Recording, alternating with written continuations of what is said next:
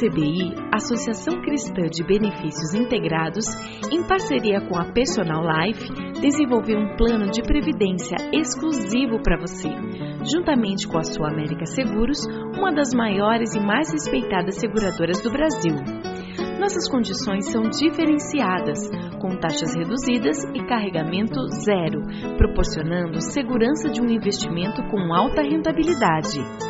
Entre em contato e solicite uma simulação pelo site www.acbi.com.br ou pelo telefone 3264 6711.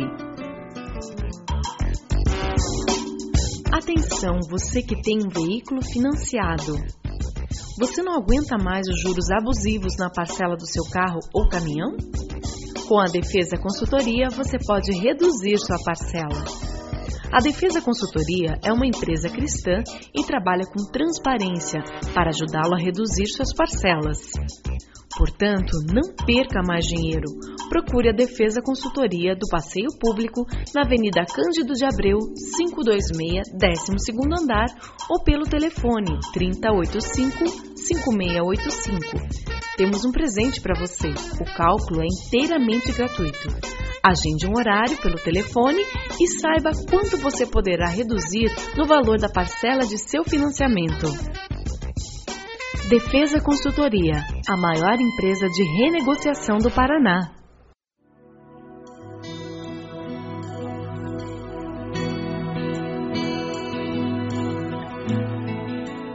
Começa agora mais um Sementes do Amor de Deus, um programa da Igreja Batista do Bacaxeri, em Curitiba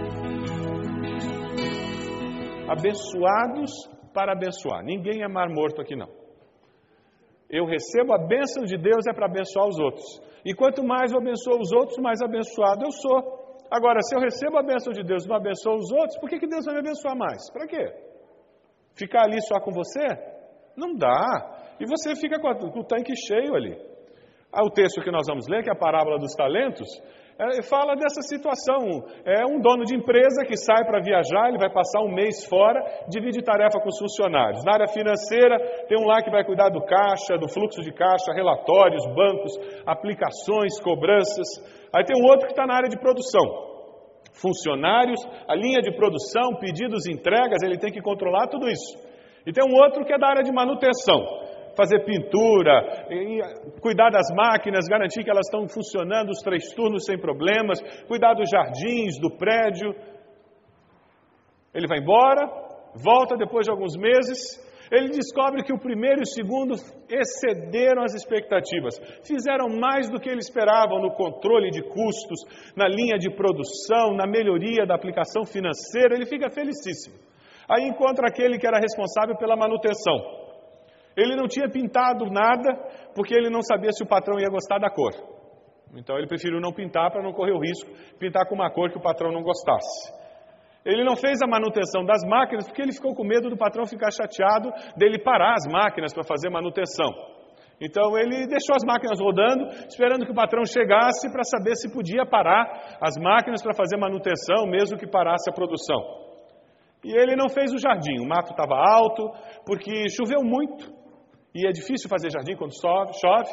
Então ele não fez o jardim e ficou esperando que nem quando o patrão chegasse, ele no dia que o patrão chegasse, ele cortava a grama para ficar bem bonita, mas depois que o patrão chegasse. Adivinha o que aconteceu com esse último? Essa é a parábola dos talentos que Jesus contou. Abra sua Bíblia lá em Mateus 25. Mateus 25, a partir do versículo 14. A parábola dos talentos. Jesus aqui ele está falando nesse capítulo, ele falou sobre a parábola das virgens, ele exorta a igreja a estar vigiando, esperando a volta de Jesus, e na parábola dos talentos, ele está dizendo: olha, esteja envolvido ativamente na obra, porque Jesus vai voltar. E ele termina, na parte final do capítulo 25, falando sobre o julgamento das nações. Capítulo 25, versículo 14. E também será como um homem que, ao sair de viagem, chamou seus servos e confiou-lhes seus bens. A um deu cinco talentos, e a outro dois, e a outro um. E cada, a cada um de acordo com a sua capacidade. Em seguida, partiu de viagem. O que havia recebido cinco talentos saiu imediatamente, aplicou-os e ganhou mais cinco. Também o que tinha dois talentos ganhou mais dois. Mas o que tinha recebido um talento saiu, cavou um buraco no chão, escondeu o dinheiro do seu senhor. Depois de muito tempo, o senhor daqueles servos voltou e acertou contas com eles. O que tinha recebido cinco talentos trouxe os outros cinco e disse: O senhor me confiou cinco talentos, veja, eu ganhei mais cinco. E o senhor respondeu: Muito bem, servo bom e fiel. Você foi fiel no pouco, eu porei sobre o muito. Venha e participe da alegria do seu senhor. Veio também o que tinha recebido dois talentos e disse: O senhor me confiou dois talentos, veja, eu ganhei mais dois. E o senhor respondeu: Muito bem, servo bom e fiel. Você foi fiel no pouco, eu porei sobre o muito. Venha e participe da alegria do seu senhor. Por fim veio o que tinha recebido um talento e disse: Eu sabia que o senhor é um homem severo, que colhe onde não plantou, junto onde não semeou. Por isso tive medo, saí, escondi seu talento no chão, veja, aqui está o que lhe pertence. E o Senhor respondeu: servo mau e negligente. Você sabia que eu colho onde não plantei, junto onde não semeei? Então você devia ter confiado meu dinheiro aos banqueiros, para que quando eu voltasse o recebesse de volta com juros. Tirem o talento dele entreguem-no ao que tem dez.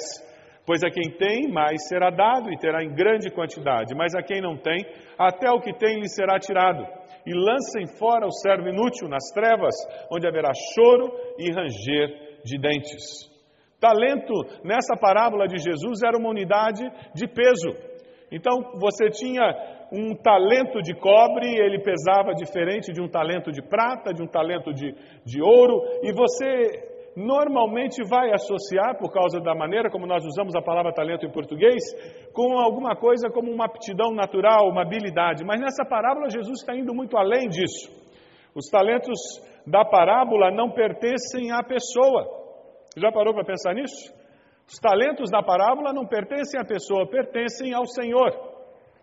A mensagem central dessa parábola, nós podemos dizer que ela está falando sobre a importância de usar dons, habilidades e oportunidades para a glória de Deus. É uma parábola que fala sobre a mordomia das oportunidades que a vida nos dá, a mordomia daqueles talentos que nós recebemos.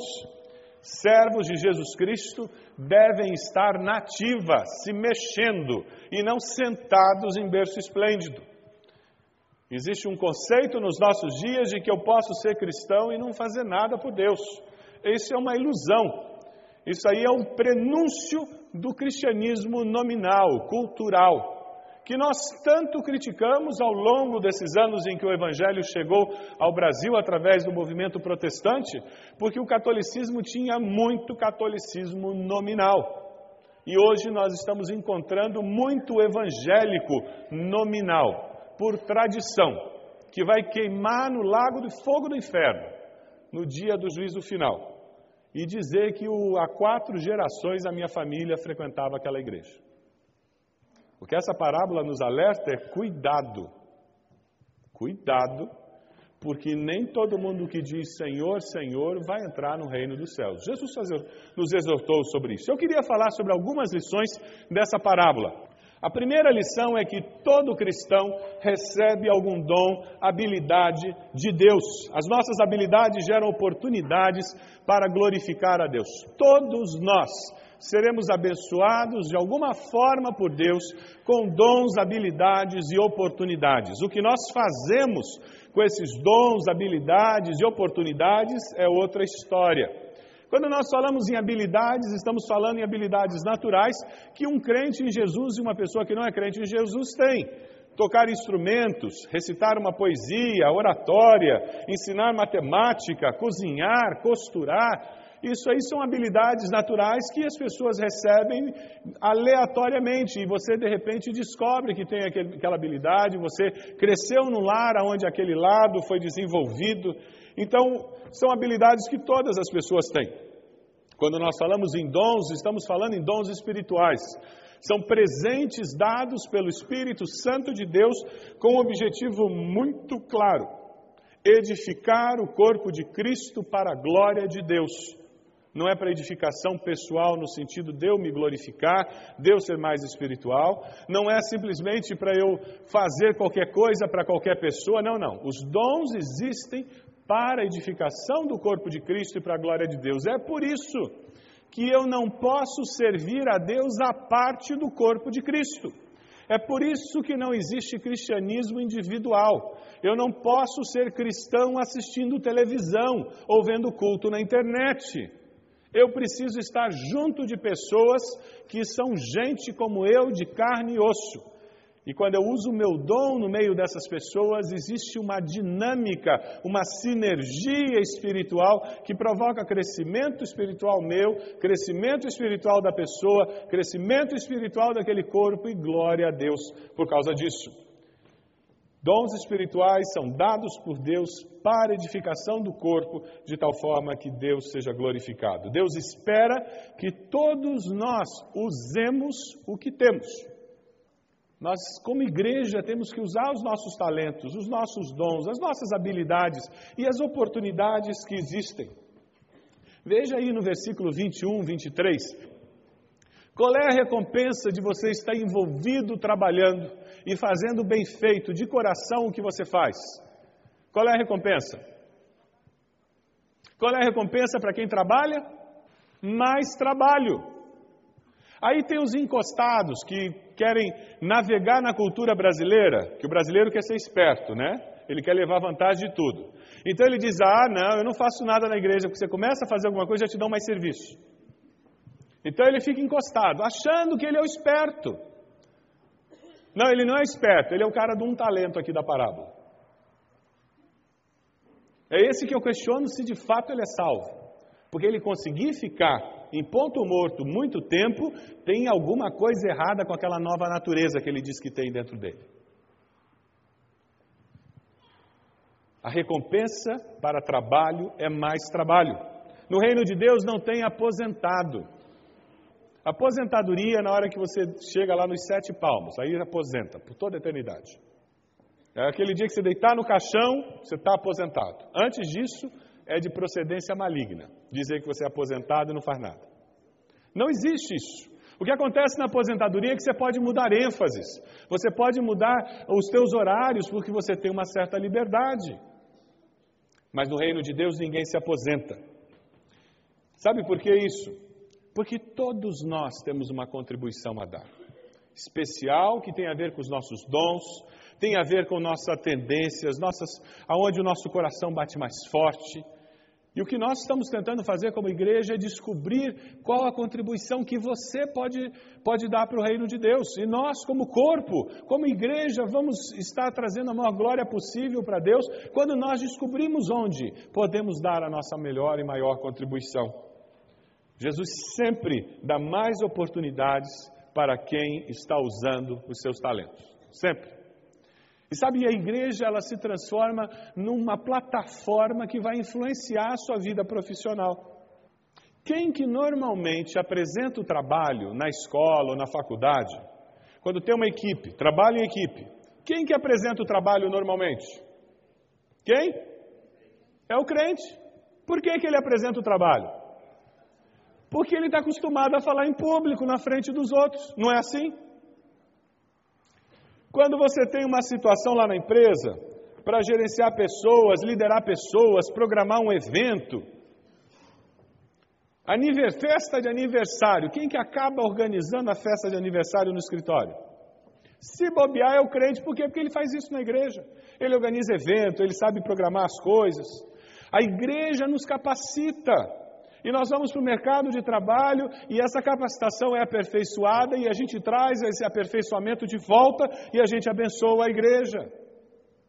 Eu queria falar agora sobre a segunda lição que nós podemos tirar dessa parábola.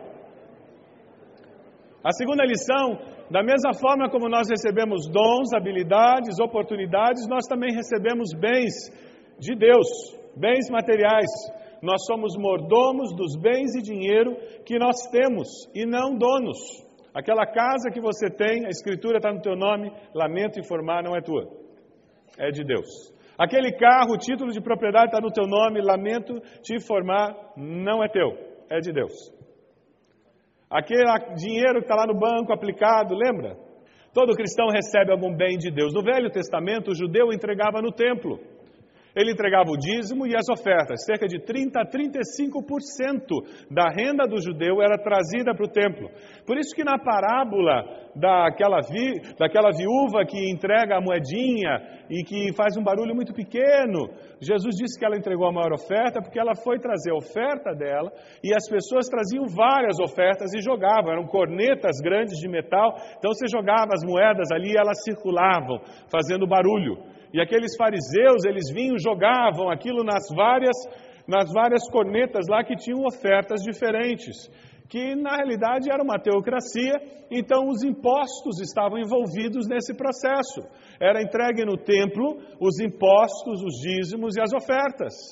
E eles tinham isso muito claro na mente deles. Quando nós chegamos no Novo Testamento, nós não vivemos numa teocracia, a Receita Federal faz um trabalho muito bem feito de tirar o dinheiro da gente. No Novo Testamento, nós encontramos o dízimo sendo colocado como parâmetro mínimo, referencial mínimo. E é resgatado o conceito que vem lá da criação do mundo de que tudo é de Deus, do Senhor é a terra e a sua plenitude. Tudo é de Deus. Ele nos dá o privilégio de participarmos com pelo menos 10% da nossa renda para o sustento da, da obra que ele tem. E aí entram as ofertas em cima do dízimo, que é diferente, e são ofertas que são dadas porque existem coisas que me interessam. Eu quero investir na compra daquele prédio, eu quero investir naquela pessoa que está trabalhando com crianças abandonadas, e as ofertas vão além do dízimo, que vem ao templo para sustentar a base do trabalho de Deus. Esse é o conceito básico. Aí vem aquele irmão e diz: Ah, é minha igrejinha lá no interior. Já ouviu essa história? Eu vou mandar meu dízimo para minha igrejinha lá do interior. Me desculpa, meu irmão, com todo respeito, o que você está fazendo é que Deus é um péssimo administrador, porque Ele não vai conseguir sustentar aquela igreja.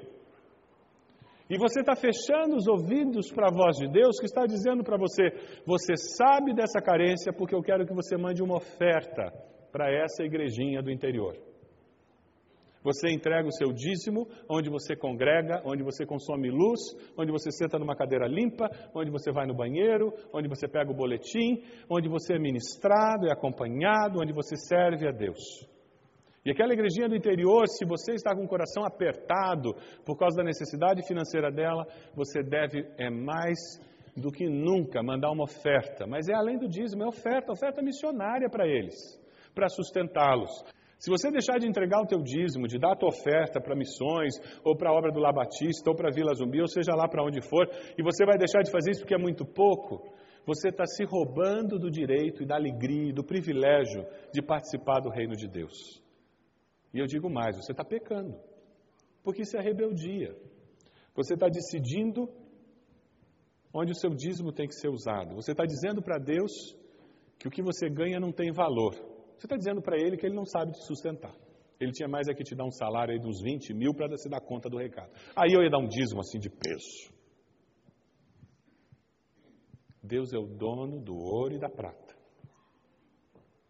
Se Ele te deu o salário que você tem hoje, é porque Ele quer que com esse salário você glorifique o nome dEle, participando fielmente, regularmente nos dízimos, nas ofertas, pagando as suas contas, comprando a sua comida, dando testemunho na sociedade. Se Deus te deu esse salário hoje, é porque esse salário é o que você precisa. Sabe por quê? Ele está muito mais interessado no seu caráter e no testemunho que a sua vida vai dar do que a roupa que você veste, o carro que você dirige, a casa que você mora. Para Deus isso é irrelevante. Agora, o teu caráter para Ele é essencial, Ele não abre mão disso. Essa parábola nos ensina outra lição também, e eu queria compartilhar com os irmãos. Todo cristão recebe oportunidades vinda de Deus. Na parábola, dois usaram bem as oportunidades e um perdeu a oportunidade. E a oportunidade passa por nós, você já percebeu? Tem oportunidades que passam, eu posso até ter outra, mas não aquela. E o que a fé cristã faz conosco é nos dar consciência disso. O viver como mordomos de Cristo nos dá consciência disso. O viver como peregrinos nessa terra nos dá consciência disso, de que eu estou aqui em missão, eu não estou a passeio. Quando a gente está a passeio, eu não quero nem olhar o relógio, né? A gente almoça quando tem fome, não é assim? Mas quando nós estamos em missão, Eu quero aproveitar as oportunidades. Você tem aproveitado? E sabe, no reino de Deus não existe lugar para turista. Não existe lugar para quem está em busca de entretenimento. A palavra nos diz: aquele que não está comigo está contra mim, e aquele que comigo não ajunta, espalha. Ou você está com Jesus ou não está, não tem meio termo, não dá para ficar em cima do muro. Lamento informar, no reino de Deus não tem jeitinho. Não existe amigo do Evangelho. Deus tem discípulos, ou ele tem pessoas que ainda estão na rebeldia. Mateus 21, dê uma olhadinha aí, no mesmo livro, Mateus 21, 18 19, nos fala também sobre isso. Mateus 21, 18, 19. É um texto que muitas pessoas têm muita dificuldade de, de falar esse texto, porque eles acham que não bate bem com a imagem de Jesus. Porque a imagem de Jesus que eles têm é muito daquele cara meio complacente, sem opinião. Aquela imagem assim, meio Madre Teresa de Calcutá, porque você não viveu com ela, aquela baixinha devia ser fogo. Por isso que ela conseguia tocar o que ela tocava, gente. Se você tem uma loja com duas pessoas trabalhando com você, você já descobriu. Ou eu sou firme ou não chego a lugar nenhum, não é verdade? Quem tem dois filhos pequenos, eu acho que já descobriu também, né? Ou eu sou firme ou não faço nada, eles vão me controlar. E olha a palavra de Jesus aqui em Mateus 21, 18 e 19. De manhã cedo, quando voltava para a cidade, Jesus teve fome. Vendo uma figueira à beira do caminho, aproximou-se dela, mas nada encontrou, a não ser folhas. Então lhe disse: Nunca mais dê frutos. Imediatamente a árvore secou. Nós não gostamos de pensar na imagem de julgamento, né? Mas o julgamento virá. Você está preparado para ser julgado? Você está preparado para se encontrar com seu Deus? Amós 4,12 nos diz: Prepare-se para encontrar-se com seu Deus, ó Israel. O julgamento virá. Que tipo de contribuição você tem dado ao reino de Deus? Com a sua vida? Que diferença você tem feito? Que pessoas hoje conhecem a Jesus porque você conheceu a Jesus? Estão abençoadas pela salvação porque um dia você foi abençoado pela salvação. Eu queria que você olhasse para dentro de você você tem sido bom mordomo das oportunidades dadas por Deus? Você tem sido bênção com os dons e habilidades que Deus deu a você?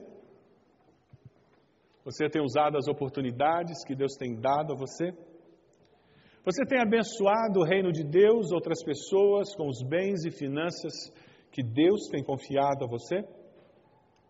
Você tem sido fiel e regular nos dízimos e nas ofertas?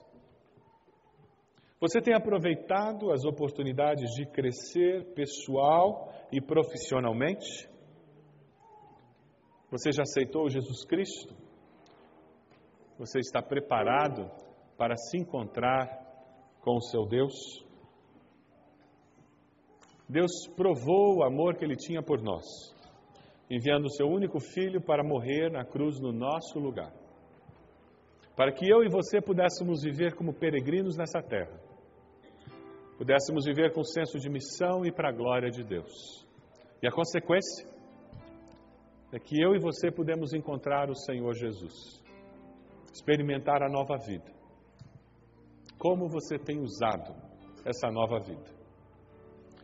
Eu lamento informar que frequentar cultos de igreja e ter nome em hall de membros de igreja não é garantia de vida eterna. Esse erro no cristianismo já aconteceu em muitas etapas dos dois mil anos de cristianismo. E a verdade divina continua a mesma. É pela graça que nós somos salvos. E se alguém está em Cristo, é uma nova criatura. As coisas velhas passaram e eis que tudo se fez novo. E é pelos frutos que você vai ser conhecido como discípulo de Cristo. Quais os frutos que você tem dado na sua vida? Eu queria desafiá-lo agora a dizer para o Senhor qual o fruto que você gostaria de dar na sua vida.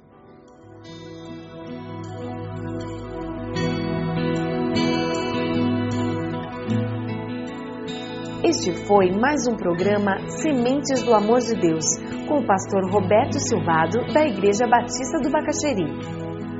Se você deseja obter cópias dessa mensagem, ligue para 33630327 ou envie um e-mail para radio@ibb.org.br informando a data da mensagem.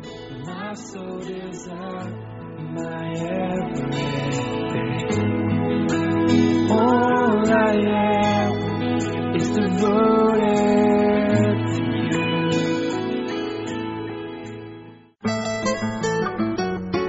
A ACBI, Associação Cristã de Benefícios Integrados, em parceria com a Personal Life, desenvolveu um plano de previdência exclusivo para você, juntamente com a Sua América Seguros, uma das maiores e mais respeitadas seguradoras do Brasil. Nossas condições são diferenciadas, com taxas reduzidas e carregamento zero, proporcionando segurança de um investimento com alta rentabilidade. Entre em contato e solicite uma simulação pelo site www.acbi.com.br ou pelo telefone 3264 6711. Atenção, você que tem um veículo financiado. Você não aguenta mais os juros abusivos na parcela do seu carro ou caminhão? Com a Defesa Consultoria, você pode reduzir sua parcela. A Defesa Consultoria é uma empresa cristã e trabalha com transparência para ajudá-lo a reduzir suas parcelas. Portanto, não perca mais dinheiro. Procure a Defesa Consultoria do Passeio Público na Avenida Cândido de Abreu, 526, 12º andar ou pelo telefone 3085-5685. Temos um presente para você. O cálculo é inteiramente gratuito. Agende um horário pelo telefone e saiba quanto você poderá reduzir no valor da parcela de seu financiamento. Defesa Consultoria, a maior empresa de renegociação do Paraná.